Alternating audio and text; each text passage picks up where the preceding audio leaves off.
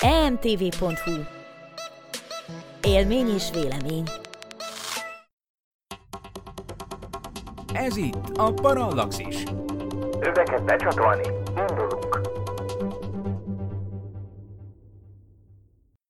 12 éven aluliak számára nem ajánlott.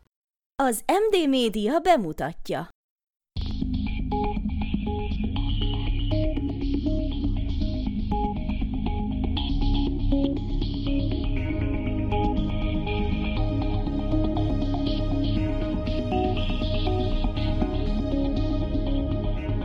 Tudományos és fantasztikus élmények Miklóssal, aki fizikus. Ez itt a Parallaxis Light.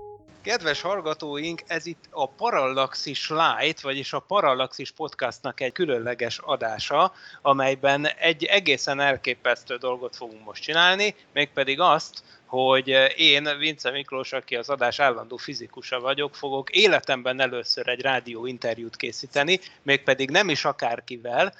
Azt hiszem, hogy, hogy mindenképpen jogosan állíthatjuk, hogy a magyar űrkutatással foglalkozók körében mindenképpen egy élő intézményként ismeretes Suminski Nándor, vagyis Sumi, aki hát talán mindenképpen túlzás nélkül állítható, hogy a világ egyik legkomolyabb űrkutatással kapcsolatos, űrtevékenységgel kapcsolatos gyűjteményével rendelkezik, és az ismeret terjesztő tevékenysége is igazán szinte példanélküli, és ennek elismeréseképpen egyébként nemrég kapta meg Suminski Nándor a Nagy Ernő díjat a Magyar Asztronautikai Társaságtól. Tehát nagyon szépen köszönjük, hogy, hogy elfogadtad ezt a felkérést az interjúra, és szeretettel köszöntünk. Szia! Szervusztok, és én is köszöntöm a tisztelt hallgatókat. És a mai beszélgetésünknek viszont nem az a díj az apropója, bár akár ez is lehetett volna, hanem egy még ennél is frissebb esemény, amely azzal kapcsolatos, hogy egy kiállítás nyílt Kiskunfélegyházán Magyari Bélának, Magyarország kiképzett űrhajósának, Farkas Bertalan tartalékának a szülővárosában, Magyari Béla életéről. Ugye Béla, akit rettenetesen kedveltünk, nagyon sokan ismertük, és tényleg egy fantasztikus ember volt minden szempontból. 2018. április 23-án 68 évesen hunyt el, tehát ennek már másfél éve, és, és hát hihetetlen, hogy repül az idő, és ő ugye veled nagyon sokat, nagyon sokat tevékenykedett együtt, ezt én abból gondolom, hogy rátam, hogy olvastam is több cikketeket közösen, tehát ti nagyon jó barátságban voltatok, azt már abból is látom, hogy rengeteg cikket írtatok együtt, és ilyen módon aztán persze ennek a kiállításnak a létrehozásában is abszolút részt vettél. Úgyhogy több mindent kérdeznék. Először is, hogy hogyan ismerkedtetek meg Magyari Béla űrhajóssal, és hogy, hogy, hogy hogyan kerültetek ilyen közeli barátságba, amiben láthatóak voltatok, illetve hogy ez a kiállítás, ami most létrejött erről, mit tudhatunk, hogy kinek a kezdeményezésére jött létre, és mi látható ott? Most mielőtt válaszolnék el a kérdés özönre, egy kis kritikát mindjárt fogadj el. Most Béla egy dologra nagyon dühös volt egész életében, mikor és te is ezt mondtad most, erre a kiképzett űrhajósra. Ugyanis most engedd meg, hogy visszakérdezzek, hogy ha a Béla kiképzett űrhajós, akkor a Berci az kiképzetlen? Ugye? Jogos, szóval ez, jogos. ez önmagában, önmagában hogy butaság, ezt a Kádár rendszer kényszerítette ki, hogy idézőjelben mondom ezt a kényszerítettet, hogy, hogy az életük végéig meglevő különbséget is hangsúlyozzák ugyanis ez egy marhaság, hogyha úgy nézzük, ugyanis mind a két, két űrhajósunkat kiképezték, különben nem lehetne űrhajós, hát ez, ez olyan, mint hogyha azt mondják, hogy kiképzett orvos, meg, meg orvos. Hát most nyilván egy orvos vagy egy mérnök akkor lehet, hogyha ha tanult, kiképezték, megkapta a diplomáját.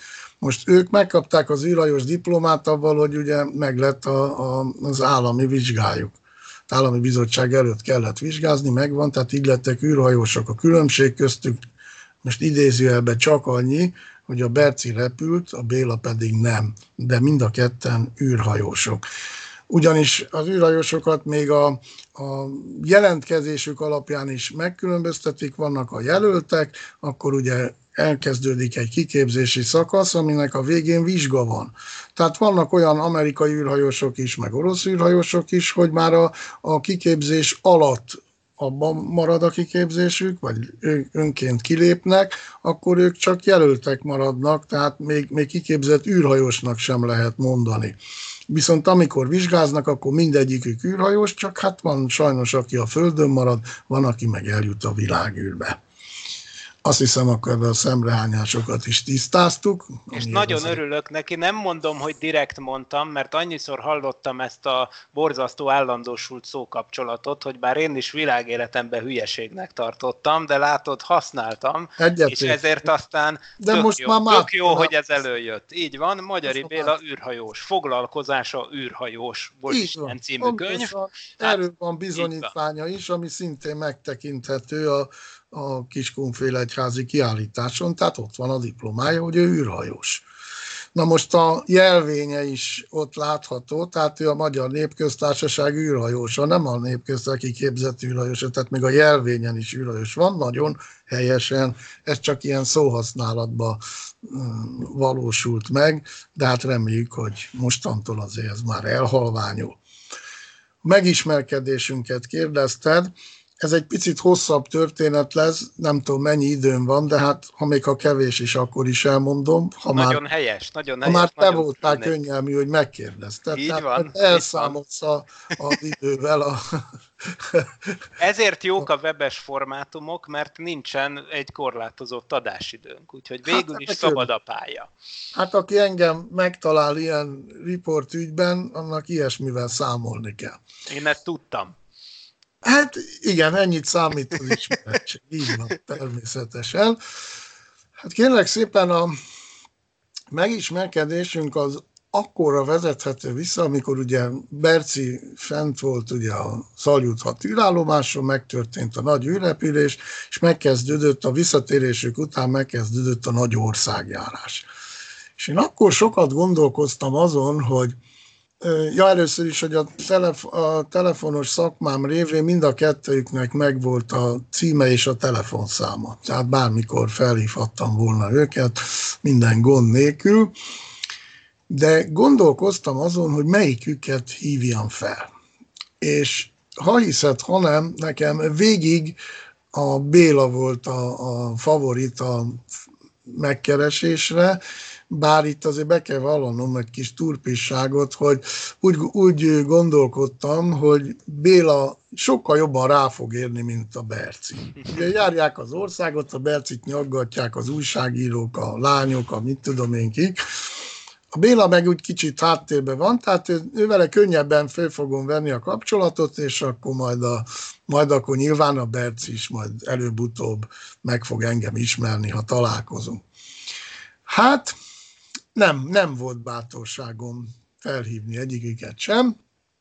Teltek, múltak az időkök, ugye volt egy két éves országjárás, 82-ben lett azt hiszem vége, és egy váratlan találkozás és egy váratlan esemény indította el a mi később 35 évig tartó barátságunkat ami úgy kezdődött, hogy mind a ketten rajongtunk, és rajong, hát most már csak ugye én, mert ő nincsen, így a jelen idő csak rám vonatkozik, hogy rajongunk a science fictionért, persze a jó science fictionért, Persze így van az ember, hát ki az a hülye, aki mondjuk egy rossz ételért rajtunk, hát nyilván a jó ételért, tehát igen.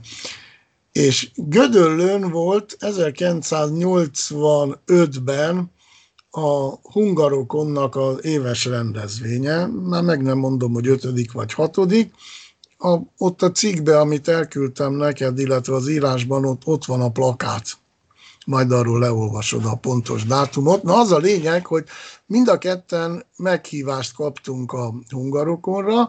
A Bélának a kiképzésről kellett beszélnie, nyilvánvalóan, ugye hát akkor meg neki nagyon friss élmény volt, nekem meg az űrrepülésről de egymásról nem tudtunk, tehát én nem tudtam, hogy őt is hívják, én csak kaptam egy meghívót, hogy űrrepülés. Nagyon jó, persze, hát nyilván elvállaltam, el is mentem, és ahogy szokott lenni az ilyen rendezvényeken, biztos majd, majd te is fogsz reagálni, mindig tolódtak a, az egyes előadóknak a, a témái, tehát úgy, hogy a 45 perc helyett ugye 50, 55, 60 percek, szóval mindig húzódtak a dolgok, illetve a később következőknek az ideje, az előadás ideje az meg ugye szűkült.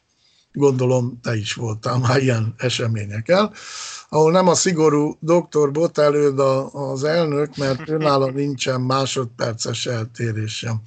Na, visszatérve Gödöllőre, ahogy így mi utoljára voltunk, tehát én és Béla volt a két utolsó előadó, egyszerűen elfogyott a, a kettőnkre szánt idő, tehát csak egy, ide, egy időnyi maradt, ha szabad így fogalmaznom. És oda jött a főszervező, és elkezdett duruzsolni a kettőnk fülébe, hogy sajnos elhúzódott, és hát, hogy, aj, hogy most mi legyen, hogy legyen, az lenne a legjobb, ha együtt tartanánk meg az előadásunkat. Hát én majd elsüllyedtem, mert hát én a nyeretlen két éves, aki csak itt ilyen hazai vizeken volt többé-kevésbé ismert, hát Béla volt ugye a világhírű ember, Hát minden szempár, még az enyém is, ugye Bélára szegeződött, hogy ő mit fog erre mondani. Hát nyilván nem az enyém volt a döntés, és Béla bólintott. És ez a bólintás indította el ezt a bizonyos három és fél évtizedet, mert a megtartott előadásunk az olyan jól sikerült, hogy a teremben lévő műfházak, meg sci klubok, meg, meg nem is tudom, hogy, hogy milyen helyiségekből voltak még ott igazgatók, vezetők, annyira jónak tartották ezt a közösen megtartott előadást, minden előkészület nélkül, tehát, nem, tehát semmit nem tudtunk nyilván megbeszélni, hogy kaptunk ott mindjárt helybe vagy öt meghívást és ahogy elkezdtük járni az országot Debrecentől, Sopronig, Pécstől, Márjanosztráig, Veszprém, stb. Tehát ezer helyen voltunk, és közben így szaporodott, tehát így, hogy mondjam, nőtt az ázsiunk, nőtt a hírünk, és jártuk az országot a szó legszorosabb értelmében. Most ez idő alatt, ez olyan 8, majdnem 8 évig tartott, ez idő alatt összecsiszolódtunk. Szóval Bélában kezdetben volt egy, egy nagy fenntartás, és úgy fogalmazta ezt meg, hogy, hogy nem akarta, nem akarta, hogy én az uszájába kerüljek. Ez volt pontosan a, az ő kifejezése. Ez annyit jelentett, hogy, hogy nagyon sokan próbáltak, ma úgy mondanánk, az ő farvizén előre jutni. És Béla meggyőződött arról, hogy, hogy én csak a világűrbe vagyok szerelmes, és nekem semmilyen, semmilyen ilyen előlépési vagy, vagy feljebb lépési elképzelésem nincsen.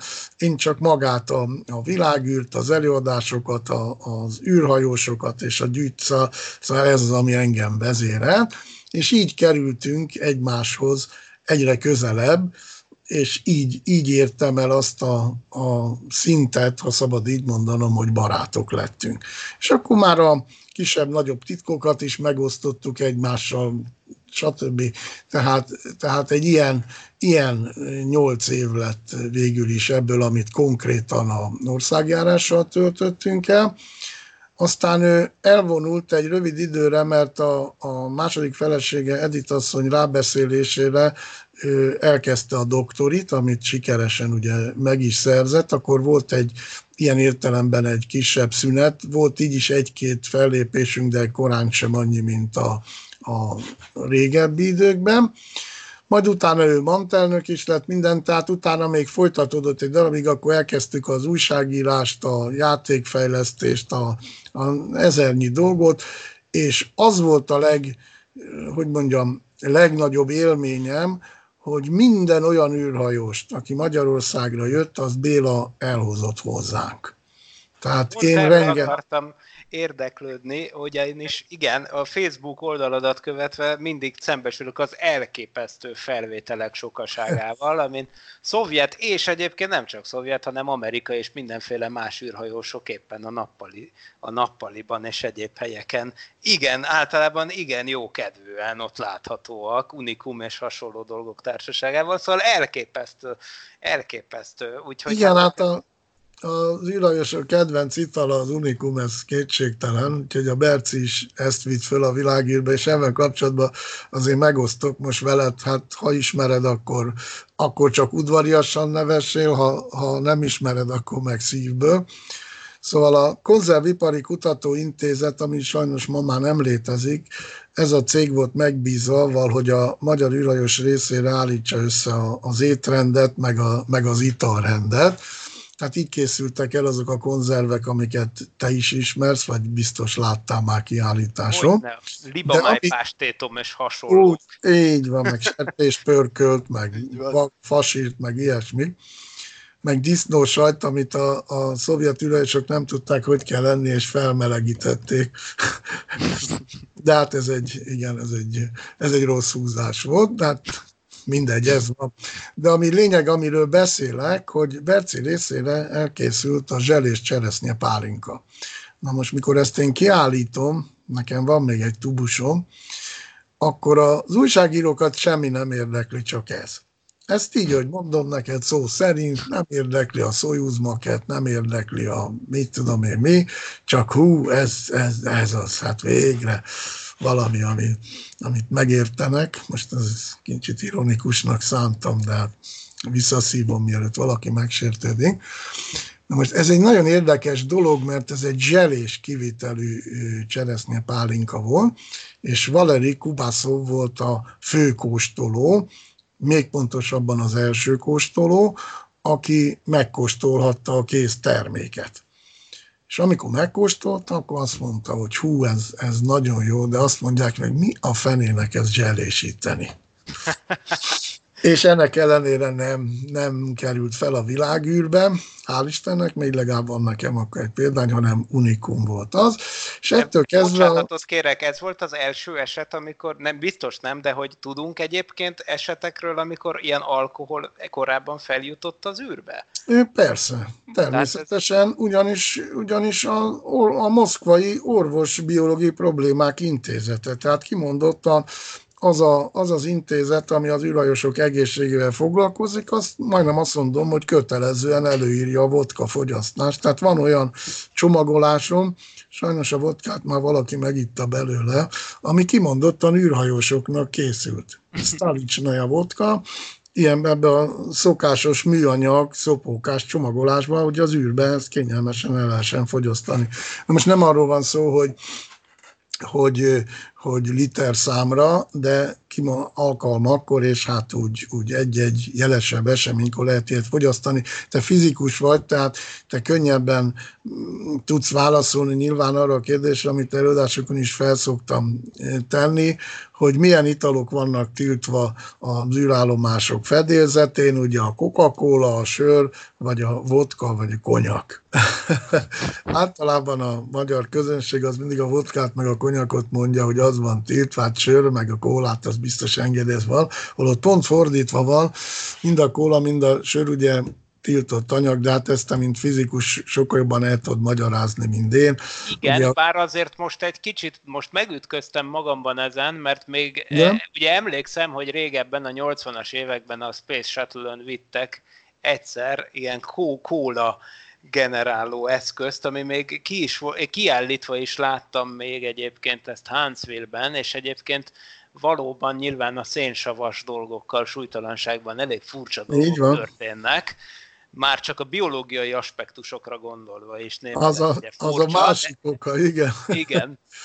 Ennek ellenére én úgy tudom, hogy a Coca-Colával kísérleteztek, és valamelyik ilyen korai 80-as évekbeli, még a Challenger katasztrófa előtti űrrepülésen, mintha helyet, helyet kapott volna, de könnyen lehet, hogy az akkor valami szénsav csökkentett változat lehetett. Ugye majd ennek utána nézünk akkor.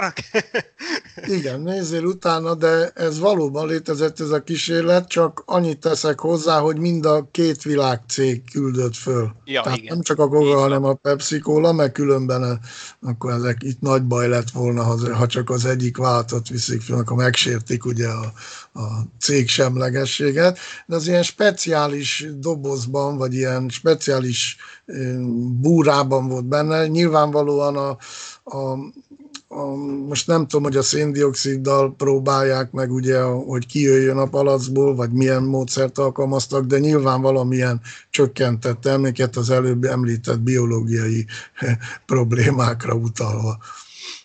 Hát ez, ez, ez egészen fantasztikus, mert én, én konkrétan most hallottam először azt az információt élőben, egy, egy szavahihető forrástól, hogy Farkas Bertalan az Unikumot elvitte magával, ami egyébként természetesen ugye ma már tudjuk, hogy, egy, hogy, hogy valószínűleg a, a, az Unikumnak a magyarországi változata volt, hiszen egyébként most már akkor, ha már egy divergál a téma, akkor megjegyzendő, hogy a Cvak család az igazi receptet, amikor ők ugye elköltöztek az államosítások idején a Rákosi korszakban, ugye Olaszországba ment a család, és vitték az Igen. igazi receptet, és ami Magyarországon maradt, az egy nem eredeti unikum recept, de hát ezt itt a évtizedeken keresztül mindenki, ezt szerette meg az ország, így aztán a rendszerváltás után, amikor visszajött úgymond a CVAK család, akkor onnantól kezdve csak fokozatosan lehetett bevezetni az, a régi új unikumot, mert az ország már annyira megszokta a szocialista változatot,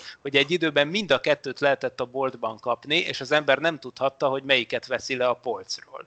Én úgy tudom, hogy ez így zajlott. Tehát akkor a, a Farkas Berci által fölvitt unikum az valószínűleg akkor nem annyira olyan volt, mint amit most veszünk a boltban, de hát mégis unikum volt, és akkor őt azt milyen kiszerelésben vitték fel, most már nagyon érdekel engem ez a dolog, nyilván nem a klasszikus gömb alakú palackban, de akkor milyen módon ugyanezekben a tasakokban? Valószínűleg tubusban. Igen. Egyébként az is Amiben eszembe... a kávék vannak, tehát amit Igen. kávéznak, az tubusban van. Na most, amit elmondasz, az, az így van, tehát tényleg egy idő, és hogy azt viszont lehetett tudni, hogy melyiket veszed le a polcról, mert a magyar állam úgy oldotta meg ezt a jogdíj, tehát a, a lopásnak a, a, a dolgát, hogy a, az Unikum címert, ugye a keresztet, meg a, az arany hátteret, az fölcserélte. Tehát ha megnézem majd ilyen régi képet, akkor ott pontan mondjuk így a negatívja a piros címke és az arany kereszt, ami ugye az Unikumnak a, a jelképe. Tehát ha nincs egymás mellett a kettő, akkor tök mindegy, akkor, akkor nem tudod, nem, nem jut eszedbe, hogy ez nem az igazi Unikum, de ha egymás mellett van, akkor tudod. Na most én gondoskodtam róla, ha szabad így fogalmaznom, hogy a, a, az orosz űrhajósok ugye 90 után már a, az eredeti, tehát a cvakféle változattal ismerkedjenek meg, mert amelyik űrhajóssal sikerült találkoznom, az mindig kapott egy, egy féliteres vagy két és attól függ, hogy alakult a dolgok unikumot, és a feleség részére pedig vagy barátnő részére pedig mindig természetesen magyar csípős piros paprikát öblött változatban. Hát ezek voltak a magyar unikumok, és abból egyik a, az unikum, az tényleg unikum volt. Hát egyébként fe, feneketlen űrgyűjteményedben mindenre van adat, azt tudom. Tehát ott, ott van az összes valaha felbocsájtott űreszközről mindenféle a teljes koszpár táblázatok. Ehhez képest most egy nagyon egyszerű dolgot kérdezek, de nem tudom kihagyni, hogy tudásod szerint hány űrhajós fordult meg a lakásotokban az évek során? És űrhajósnak tekintünk mindenkit, a korábban megbeszélt elvek tekintetében mindenkit, olyanokat is, akik részt vette, akik űrhajós kiképzésen átestek, akkor is, ha nem jártak. Igen, hát itt a, erről a mongol űrhajós a tartalék, a mongol magyari, ha szabad így mondanom, a Majdarzsavi Ganzorig. Darab számra nem olyan sok, mert mert az amerikai űrhajósok nem voltak nálunk a lakásba, én csak Trabanton vittem a Hersfieldet meg a Petersont a, a szállásukról a parlamentbe, tehát ilyen találkozások, tehát sokkal több űrhajósra találkoztam lakáson kívül, mint lakásban. Lakásban elsősorban a, a, szoci, a volt szocialista országoknak a, az űrhajósai voltak, Béla révén természetesen, tehát mondjuk az én szép szememért nem jöttek volna el.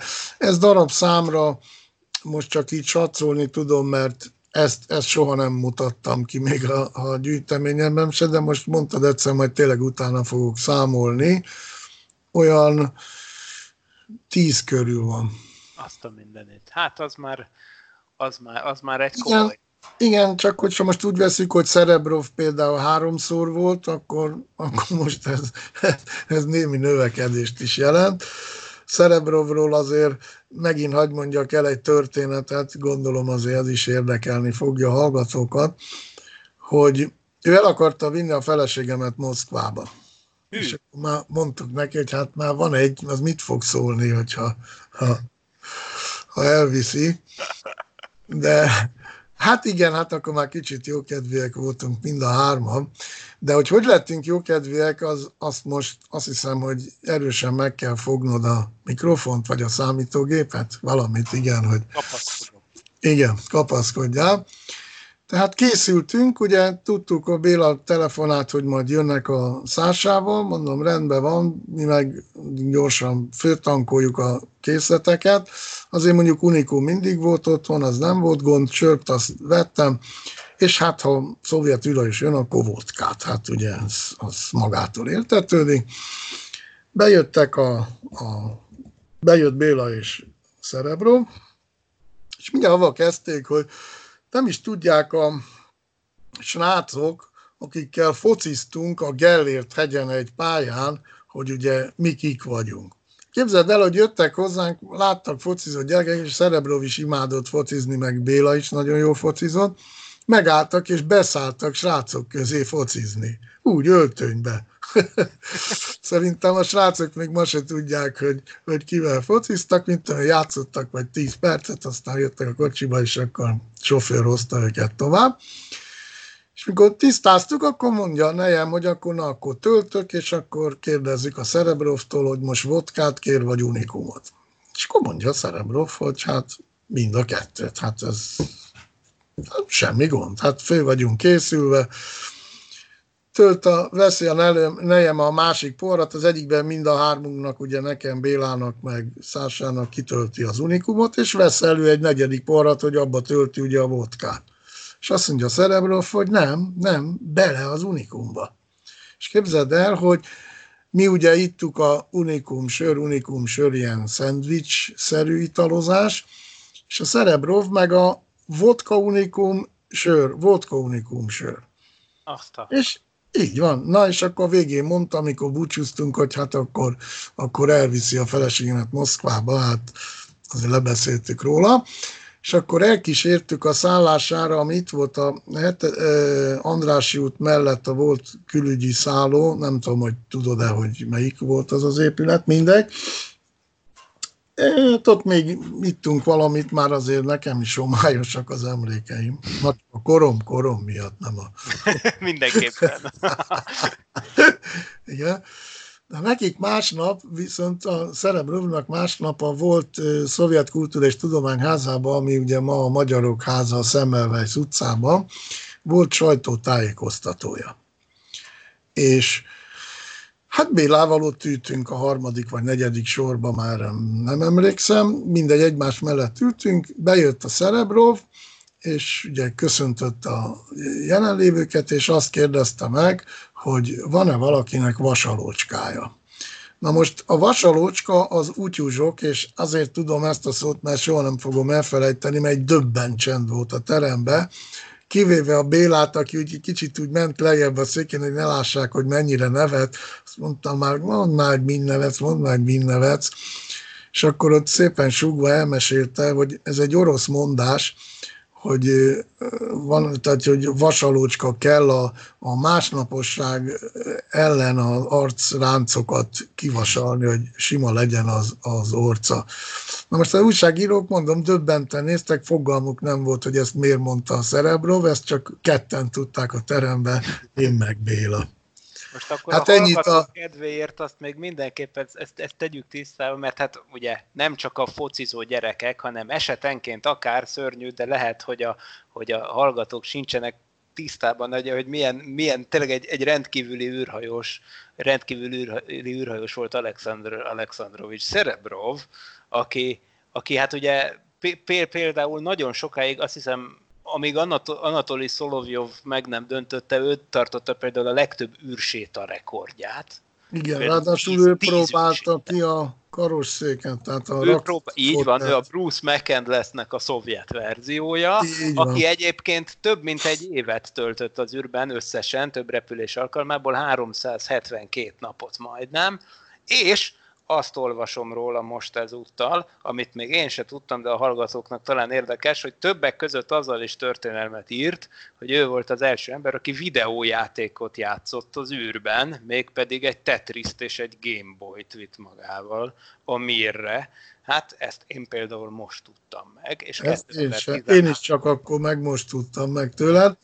Azt viszont még hozzáteszem Cerebro életrajzához, hogy ő vezette be a Miren a külön kabint. Tehát igaz, hogy csak egy nagyon-nagyon telefonfülkényi kis elválasztható fülke a Mir űrállomáson, tehát azon volt először, ahol az űrhajós valóban magányba tudott vonulni. Tehát amikor úgy érezte, hogy tele van a puttonya már mindennel, mert ez bizony előfordul, akármilyen jó kiképzett űrhajosok is, néha szükségük van egy ilyen kikapcsolódásra, hogy magány, magányba legyenek. Tehát bármennyire is együtt készül föl a két év alatt, vagy egy év alatt a parancsnok, a fedélzeti mérnök, kutatőr, stb adódhat olyan pillanat, amikor a pokolba kívánják egymást, de hát mivel tudják, hogy, hogy itt azért nem úgy megy a játék, hogyha na most akkor mennyi haza, majd kibékülünk később, hogy ott nem nagyon van erről, erre lehetőség, de ha magányba vonulnak, kicsit elgondolkoznak, vagy alszanak egyet, kipihenik magukat, akkor azért minden helyre áll. És ő javasolta először, és az ő ötlete alapján, ugye ő az energia mérnöke volt, tehát a, attól kezdve a szaljutok után a mér űrállomáson már megvoltak ezek a személyes kabinok. És természetesen a Mir űrállomás klónjaként létrejött Zvezda modulban is, az ISS-nek a fő moduljában is vannak mindmáig ilyen. Hát, nyilván azóta, persze. Így van. Tehát ami egyszer beindul, igen, az, az, az, ami egyszer működik azonnantól, ugye marad. Ez nagyon fontos, nagyon fontos, mert például a, a Yahoo és a Lumin esetében volt az, amikor a leszállás után megkérdezték az űrhajósok, a, a, a riporterek az űrhajósokat, hogy repülne még egyszer, és akkor mondta, hogy igen, de nem vele, és akkor a társára mutatott. Szóval ez, ez egy nagyon fontos dolog, hogy, hogy lelkileg rendben legyenek, mert ott végső soron az életük egymáson is múlhat adott esetben. Így van. És egyébként most a kedves hallgatóknak, hogy kontextusba helyezzük, tehát azt hiszem pont a Lyahov Rjumin páros 175 napot volt fönt. Bár hajlamos vagyok összekeverni a Rjumin Popovval, aminek 185, de mindegy, szóval az a korabeli viszonylatban messze-messze rekord volt, tehát itt már ilyen nagyságrendű időket kell elképzelni. Szóval itt most nem az, hogy két hetet valakivel, hanem tényleg fél évet, aztán később persze akár egy évnél is többet lehúztak szovjet űrhajósok. Úgyhogy nagyjából ezeknek a hősöknek köszönhetően tudhatjuk, például nem említve például a Poljakov űrhajóst, hogy egyáltalán az emberi szervezet képes egy marsutazásnyi időt kibírni egy húzamban a világűrbe, ami azért egy nagyon komoly tudományos eredmény, és ez természetesen egy elvitathatatlan érdeme a szovjet-orosz űrprogramnak. Na, de most próbáljuk meg megfegyelmezni magunknak egy, egy kicsit, bár én órákat tudnék erről beszélgetni, és fantasztikus lenne.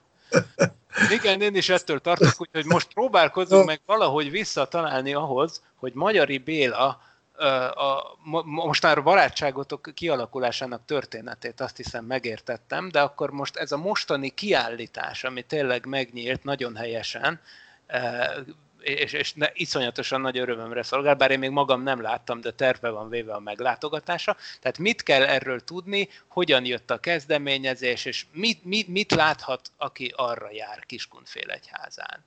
Ez, egy, ez megint egy kicsit vicces történet, de muszáj elmondanom, én Bélát mindig avval ugrattam, hogy add már ide azt a pár vackot, ami nálad van, hát a te gyűjteményed sokkal jobban fog mutatni, ha beleolvad az én gyűjteményem, és ez a lényeg, ez a beleolvad, mert erről mindig mondta, hogy a frászt egy, egy, ezt válaszolt, hogy a frász, de egy kicsit csúnyább szavakkal, de hát közben mosolygott, de ebben mindig egy kicsit így föl lehetett idegesíteni és hát sajnos a halála után kárba veszett volna ez az anyag, ha szerencsére Edith asszony nem ajánlja föl szülővárosának, ahol ugye ráadásul díszpolgár is Magyari Béla, a Kiskun Múzeum részére, akik persze hát örömmel kaptak az ajánlatom, és elfogadták a, a, az anyagot, tehát Béla barátomnak ott lesz most már egy, egy jó kiállítása, ami, ami olyan anyagokból áll össze, és itt megint egy történetet kell mondanom, mert ez lehet, hogy nem érdekli a hallgatókat, de nekem borzasztó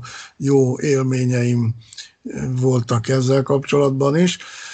A Béla látva az én rendszeretetemet, amit ugye te megdicsértél még itt adás előtt, majd azért adásba is mond el, illetve hogy mindenki tudják itt a polcomra tekintve. Egyébként már rég nincsen e, olyan legendás rend, mint volt, mert már helyhiányjal küzdök, és ha van egy kis hely, akkor oda valamit még bezsúfolok. Béla rám bízta, hogy a, az ő anyagát én rendezzem, és egyetlen kikötése volt, hogy csak azokat a fotókat rakhatom el, amiből kettő vagy több darab van. És én ezt becsültemre mondom, ma is szigorúan betartottam, és azt is hozzá kell tennem, hogy ő ezt sosem ellenőrizte. Ú, hát Tehát ezekből ez a... egy komoly szint. Igen, komoly igen, így van, és ezek a fotók, tehát élete története, tehát itt nem Magyari Béla az űrhajós kiállítást láthatjuk, hanem Magyari Béla a születésétől a, a haláláig, katonai pályafutása, pilóta pályafutása, ezek az emlékek ott vannak, két egyenruhája van kiállítva, és hát nem utolsó sorban az a híres, nevezetes magyari plakát, amiről azért kell beszélni, ugyanis annak idején, mikor még a közvélemény előtt nem volt biztos, hogy melyikük fog repülni, mind a két jelölt részére elkészítették a plakátokat, ami ugye arról tudósít, hogy földközi pályára bocsájtották a Soyuz 36 űrhajót fedélzetén, vagy Farkas Bertan, vagy Magyari Béla űrhajóssal. És ez a két plakát elkészült, és amikor Berci jutott el ugye a világűrbe, akkor a Magyari Béla féle változatot bezúzták. A bélyeggel együtt, meg az egyéb tárgyakkal, emléktárgyakkal együtt megsemmisítették, de bizonyos gyűjtők azért megszereztek ezekből egy-egy példányt, úgyhogy az most viszonylag sokat ér, mert ebből a Magyari Béla plakátból összesen kilenc darab van a világon. Jó, hát én bevallom, nekem kettő darab van. Az egyiket ilyen, ilyen cserére szánom majd, hogy, hogyha akad egy olyan dolog, vagy egy olyan valami, ami nekem nincsen, és, és lesz olyan, akivel ezt el tudom cserélni, akkor elcserélem. Csak egy a nagy probléma, hogy ezért egy amerikai gyűjtő 5000 dollárt ígért. És amikor ez az ígéret elhangzott, ez már több mint egy évtizede, akkor még csak egy darab volt és azt nem adtam oda. Ma már odaadnám, de ma már, már nem találom meg a, azt a gyűjtőt, aki ezt felajánlotta. A plakátnak egyébként van egy szépséghibája. Ha Béla repült volna, és valóban ez a plakát napvilágot látott volna, akkor egy, egy komoly, hát családi visszáj támadhatott volna, mert az egyik képen az van, hogy Magyari Béla kislányával, Krisztinával meglátogatták ugye a Johnny Beckhoff családot. Na most ugye tudjuk, hogy neki soha nem volt Krisztina nevű kislánya, mert az a kislány, aki ott ül édesapja ölében, az nem más, mint a legnagyobb lánya, Gréta.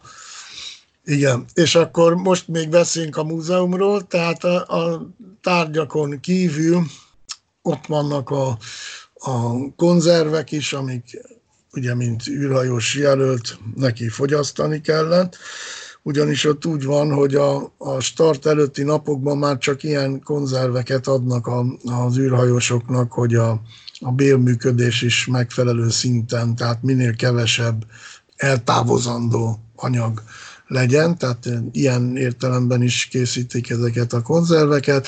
Akkor ott vannak a, a Bélának a éremkészlete, pontosabban, amit a magyar űrrepülés emlékére adtak ki, tehát benne van a Gellért-hegyi szabadságszobornak a mása jelvények, és természetesen ott megtalálható az űrhajós 100 forintos is, ami ma is érvényes fizetőeszköz. és lehetséges, most, hogy jobban belegondolok, hogy Magyarország történetében, a népköztársaság per köztársaság per Magyarország történetében lehet, hogy az első fém százas. Nem tudhatom. Lehet, hogy korábban is volt ilyen emlékérem, de ugye hát annak idején még papír százas volt, de ezt az emlékérmet, amikor kiadták, akkor ugye ez fém, ez egy fém száz forint. Igen, ez akkor jó sokat ért.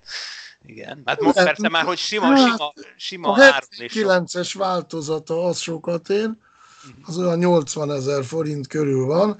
Ezt a 80-as változatot, ezt, ezt meg lehet kapni jóval 10 ezer alatt, tehát 3-4 ezer forintért biztosan. Mert ebből sok van, abból viszont kevés az nincs nekem se, tehát 79-es 100 forintoson Igen, nincs. és akkor ez egy dolog, amit, amire abszolút Magyari Béla kapcsán mindenképp szót kell ejtenünk szerintem, hogy az embert, meg az ő nagyságát egyébként jobban tudjuk értékelni, akkor most a hallgatóknak elmondjuk azt a sztorit, hogy ugye eredetileg a szovjet-magyar közös űrrepülés 1979-re volt beidőzítve, ahol egyéb, amire tiszteltére egyébként az emlegetett bélyegeket is már elkezdték nyomtatni, majd bezúzták, hiszen a szovjet-bolgár repülésnek a hajtómű problémája miatt egy évet csúszott a repülés. Na már most, ezért aztán a Farkas Bertalan végül ugye 80-ban repült föl.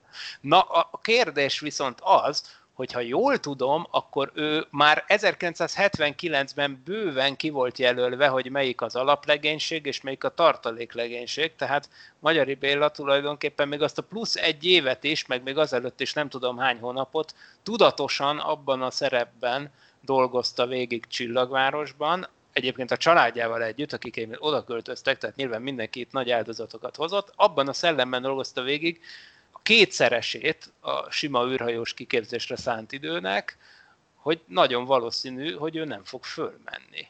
Ezt jól tudom, hogy ez már a 79-es startdátum előtt egyértelmű volt, hogy a Kubászov farkas páros az első számú személyzet? Igen, jól tudod. 78. december 15-én dőlt el gyakorlatilag, de azért valamit tudnod kell neked is, meg a hallgatóknak is, hogy a start előtti két nappal, tehát két nappal a start előtt dönt az állami bizottság. Megerősíti-e az előzetes kijelölt személyzetet, vagy változtat. Tehát minden tartalékban az utolsó pillanatig él a remény. Ezt a könyvemben is idéztem, pontosabban ugye Valeri Kubászov könyvéből vettem át ezt a részt az én könyvembe, és ott idézem, hogy az utolsó pillanatig reménykedik a tartalék, mert ő ugyanúgy fölkészül, ugyanannyi energiát befektet a, az egész dologba, ugyanolyan jó eredményt ér el a vizsgán, tehát semmi nem indokolja, hogy ne ő repüljön, csak egy, egy döntés, ami nem az ő teljesítményén múlik, tehát rajta kívülálló okokon múlik, és akkor mégsem ő repül. Már pedig a tartalék nem kap semmit, mindig az kapja a maximumot, aki a világűrbe jut elővé, a dicsőség, és mivel a magyaroknál, még pontosabban az interkozmosz repüléseknél nem volt mód a második repülésre, tehát hogy a tartalék is mehessen az űrállomásra, ezért ez mindig egy, egy be nem gyógyuló sebb marad örökké a lelkükben. Most más kérdés, hogy ezt van, aki kimutatja, van, aki nem, van, aki élete végéig ennek a súlya alatt él, vagy van, aki ezen is túlteszi magát. Egyébként ez egy súlyos probléma, és ez már az űrhajózás hajnalán, tehát már Gagarin 61-től fölvetődött ez mind az Egyesült Államokban, mind a Szovjetunióban az űrorvosok között, hogy ezt a pszichológiai kérdést mindenképpen meg kell oldani. Ugyanis ha én a tartalék vagyok, de ugyanúgy fölkészültem, mint az előbb elmondtam, tehát mindenben egyenlőek vagyunk végső soron, akkor mi nem én repülök? És ha közös a felkészülésem, akkor mit fogok tenni, mert ember vagyok? Hát nyilván igyekszem a másiknak a teljesítményét rontani. Most ezt nevezhetjük fúrásnak, gáncsoskodásnak, akadályozásnak, akárminek, de ki akarom hangsúlyozni, hogy én jobb vagyok, hogy én repüljek, és ne ő. Na most ezt, erre nagyon hamar rájöttek az orvosok a különféle vizsgálatok alatt, és ezt úgy oldották meg, hogy aki tartalék volt egy repülésnél, az volt kinevezve a következő repülés alapszemélyzetének, vagy az egyszemélyes repülésnél meg hát ugye a főpilótának. És akkor így megnyugodtak, akkor így nem, nem furkálódtak, nem áskálódtak egymás ellen, mert tudta, hogy a következő repülés az övé. Sőt, az amerikaiak még azt is kitalálták, hogy minden egyes repülésnél becsempésznek valami kis újdonságot, vagy kísérlet formájába, vagy, vagy repülés manőverek tekintetében, hogy valami új legyen, és ezáltal egy ilyen elsőségi tudatot adtak az űrhajósnak, úgyhogy ilyen, ilyen gáncsoskodás vagy valami nem is fordult elő. De hangsúlyozom, az interkozmosz repüléseknél nem volt mód a második repülésre. És, és itt egy... például a csehszlovákoknál itt nagyon komoly dolgok derültek ki, persze hát jóval később. Amit tettézett az a helyzet, hogy a Szovjetunióban a katonaság és a mérnökök között, tehát az energia cég és a, a katonaság között véremenő harc volt a, az elsőbségért, a pozícióért és a, az űr fölötti, vagy az űrrepülések fölötti vezérlésért. És akkor sajnos előfordultak sokkal komolyabb dolgok, mint ahogy dr. Remes Péter a honlapján ezekről már eléggé nyíltan beszél is, ír is. Mindenképp ajánljuk a hallgatóknak elolvasni a rendkívül történetet, tényleg, és egyébként ez valójában itt is visszaköszön, hiszen ha belegondolunk, ugye Kubászov, tehát Farkas Bertalan parancsnoka az Energia cégtől jött, ő korábban persze már kétszer volt az űrben, például még amerikaiakkal is, meg heggeztett az űrben, meg ő aztán már mindent csinált, de ő alapvetően egy mérnök volt, aki valaha Mars szondák pályáit számította az Energia cégnél, és úgy került be az űrhajósosztakba, tehát civilként. Míg Farkas, míg Magyari Béla parancsnoka, Johnny Bekov, ugye pedig egy katonatiszt volt, mindenképpen egy katonai pilóta, és úgy látom, hogy mintha tényleg ez lett volna ilyen rendszer, és ezt nem látom, azért gondoltam mindenképpen megkérdezem, hogy jól látom-e, hogy ez van, hogy amikor az egyik a, mondjuk az alaplegénységnek, vagy a fő repülő, repülésre kijelölt legénységnek civil a parancsnoka, akkor a tartalék legénység parancsnoka katona, és fordítva, vagy nem volt ilyen, ebben, ebben nem volt ilyen szabályszerűség, ezt csak én akarom belelátni, hogy hogyan működött ez a része a dolognak. Nem, nem, ezt, ezt, ezt félreértelmezed. A maga megfigyelésed jó, de nem, nem ebből a, a aspektusból kell nézni, hanem abból, hogy a katonaság és a mérnökök között van a mondjuk a vita, vagy dula a harca pozícióért. És a repülési sorrendek meghatározásánál ez bejátszhat, tehát szerepe lehet abban, hogy most katona a parancsnok, vagy civil. De most a katonák avval érveltek, hogy hogy néz ki az, hogy egy személyzetbe mondjuk a beosztott az katona, mint ahogy a Farkas Bertan és a Magyari Béla is ugye katona, a Kubászov meg civil. Na most katonaság esetében hogy fogadhat el egy katona, teljesen mindegy, hogy milyen rendfokozottal illetik, egy civiltől hogy fogad el parancsokat. Márpedig egy űrhajó fedélzetén a parancsnok az teljhatalmú úr, tehát utasíthatja a, a másodpilótát, vagy a kutatóűrhajóst ugye a Soyuz program esetében.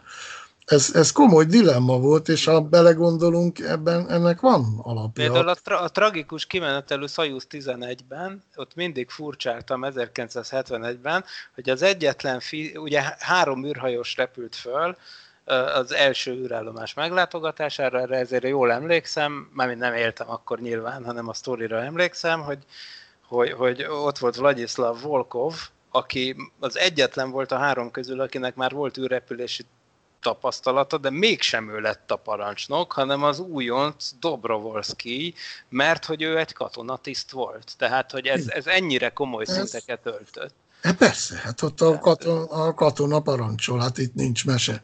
De az Interkozmos programnál azért nem, nem, tehát ezen kívül más ok is volt, mindig, amit az előbb elmondtam, ezt a, a repülési sorrendet, tehát hogy aki az első repülésnél ugye tartalék, az a következőnél, vagy, vagy mint az Apollo programnál kettővel később repül majd a, az alapszemélyzetbe. Itt előre meg volt határozva a sorrend.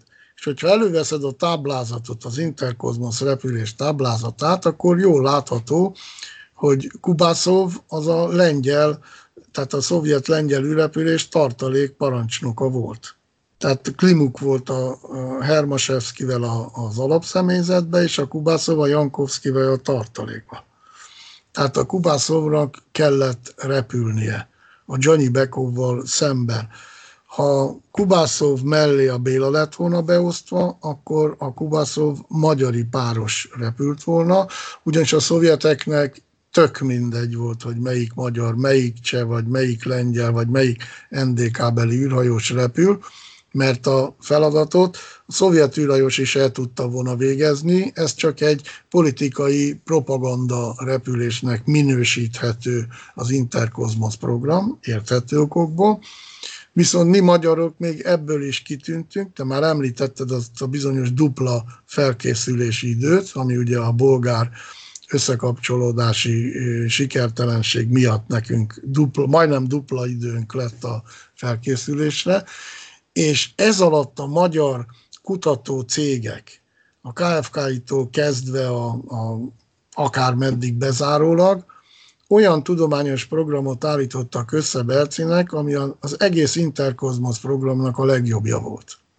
Tehát az ötvöző, a fém ötvöző kísérletektől, tehát Bealucától kezdve a pillénát, és akkor itt álljunk is meg mindjárt pillénél. A pille a legismertebb űrműszer, legismertebb magyar űrműszer, aminek a modernizált változata ma is ott van a nemzetközi űrállomás fedélzetén, méghozzá az alapfelszereléshez igazítva.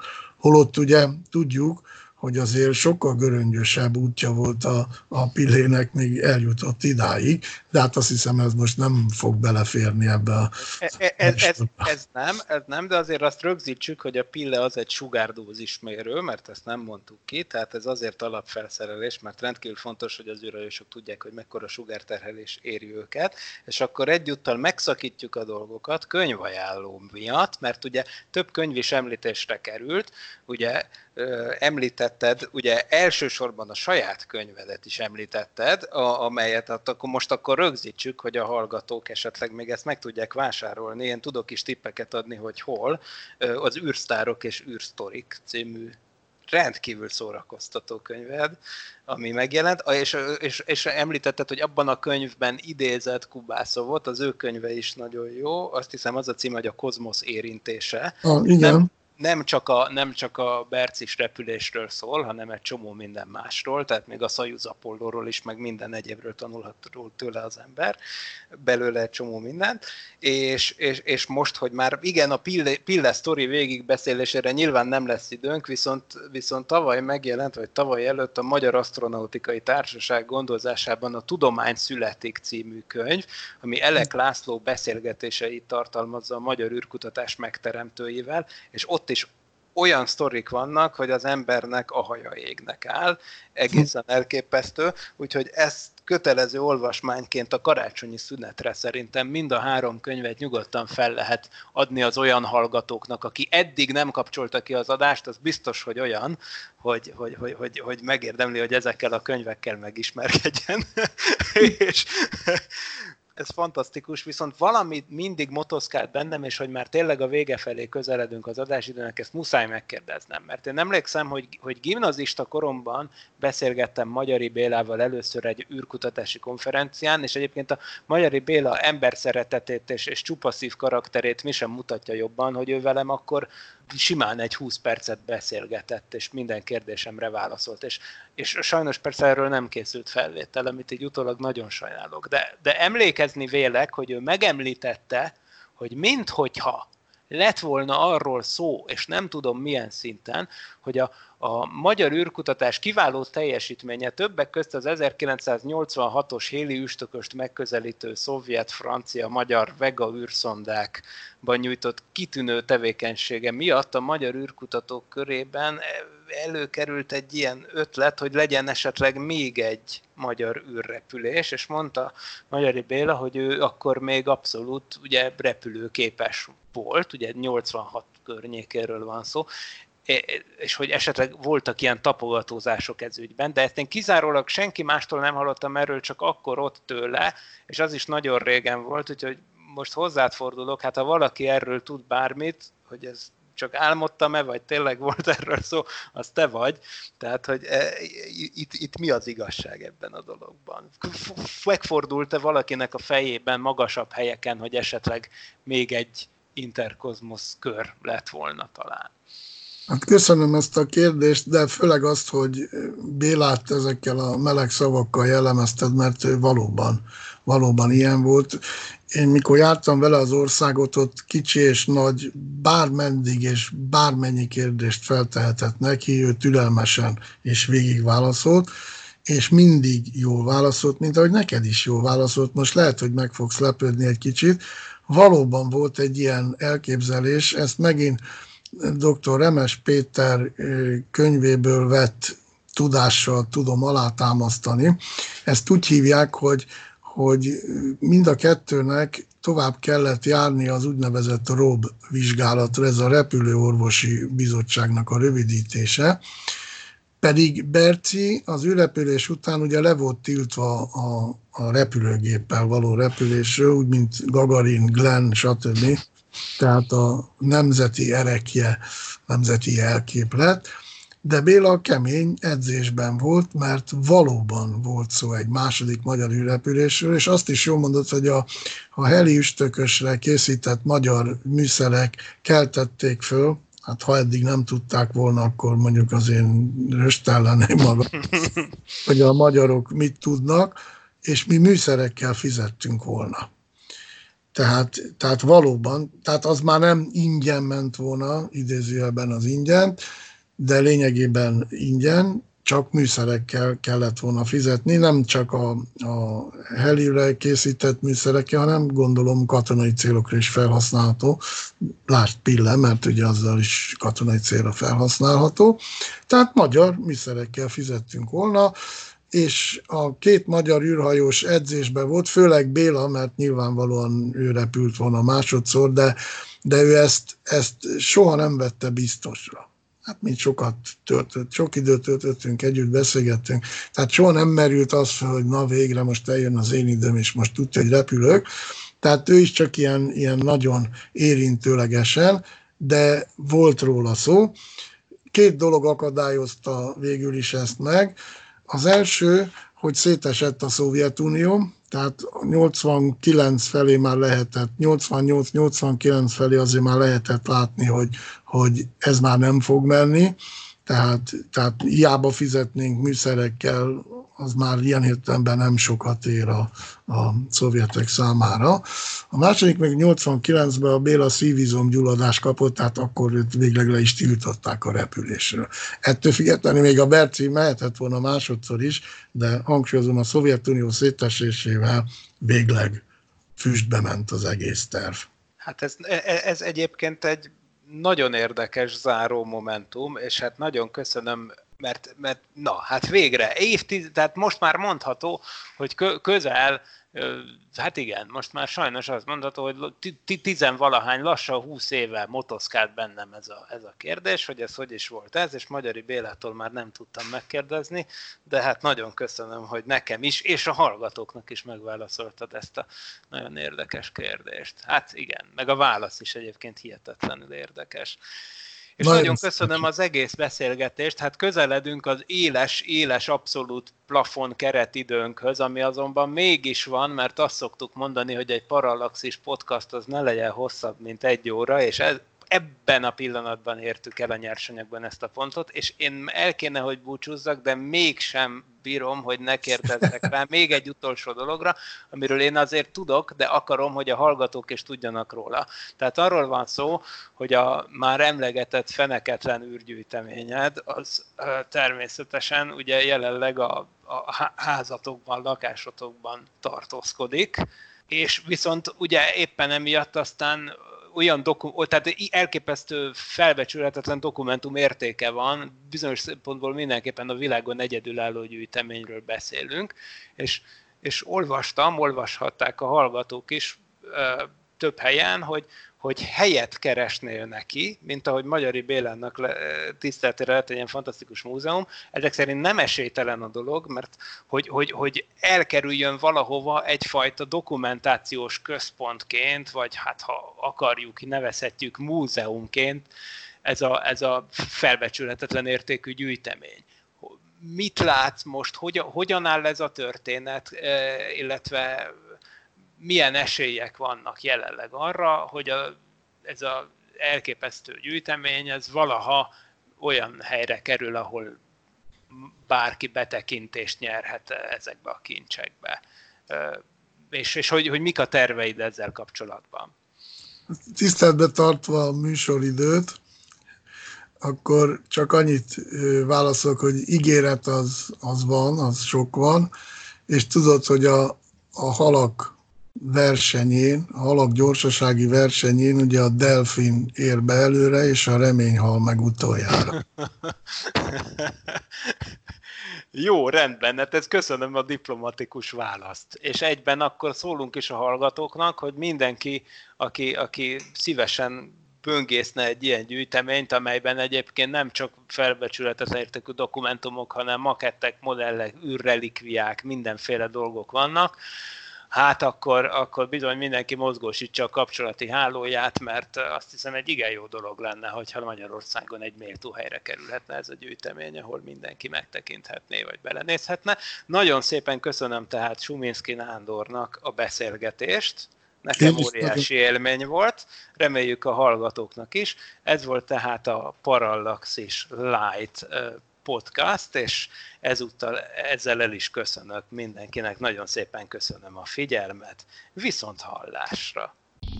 Nem volt elég a tudományból és a fantasztikumból? Olvasd a parallaxis.emtv.hu-t, lájkold a Facebook oldalunkat, nézd a YouTube csatornánkat, és hallgassd a Szokolébresztőt a Tilos Rádióban. A Tudományos Újságíró Klubja és a Tudományos Ismeretterjesztő Társulat által a Juhari Zsuzsanna díj külön díjával jutalmazott blog podcastjét az emtv.hu megbízásából az MD Media készítette.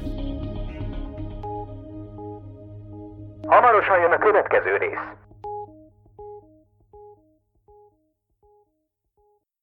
Jelenlegi működésünk fenntartásához és a fejlődéshez most a te segítségedre is szükségünk van. Ha szívesen olvasol, hallgatsz és nézel minket, valamint veszel részt az ingyenes rendezvényeinken, arra kérünk támogasd az ország legnagyobb Star Trek tematikus kifi portfólióját.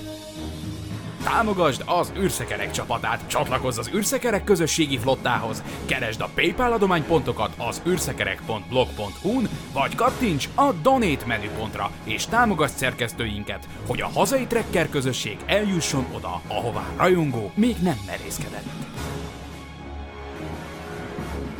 Köszönjük! Az űr. A legvégső határ. Ennek a végtelenjét járja az Impulzus Podcast csapata. Céljuk a Star Trek tematikus hírek és epizódok kibeszélése, és hogy a magyar rajongókat eljuttassák oda, ahová még senki sem merészkedett. Az űrszekerek közösségi flotta hetente megjelenő kibeszélőjét az impulzus.űrszekerek.hu címre kattintva találod. A nevem Sam. White Sam.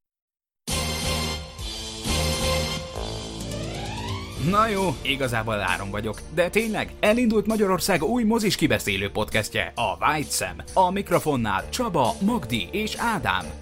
Az epizódokért kattints a whitesam.emtv.hu oldalra.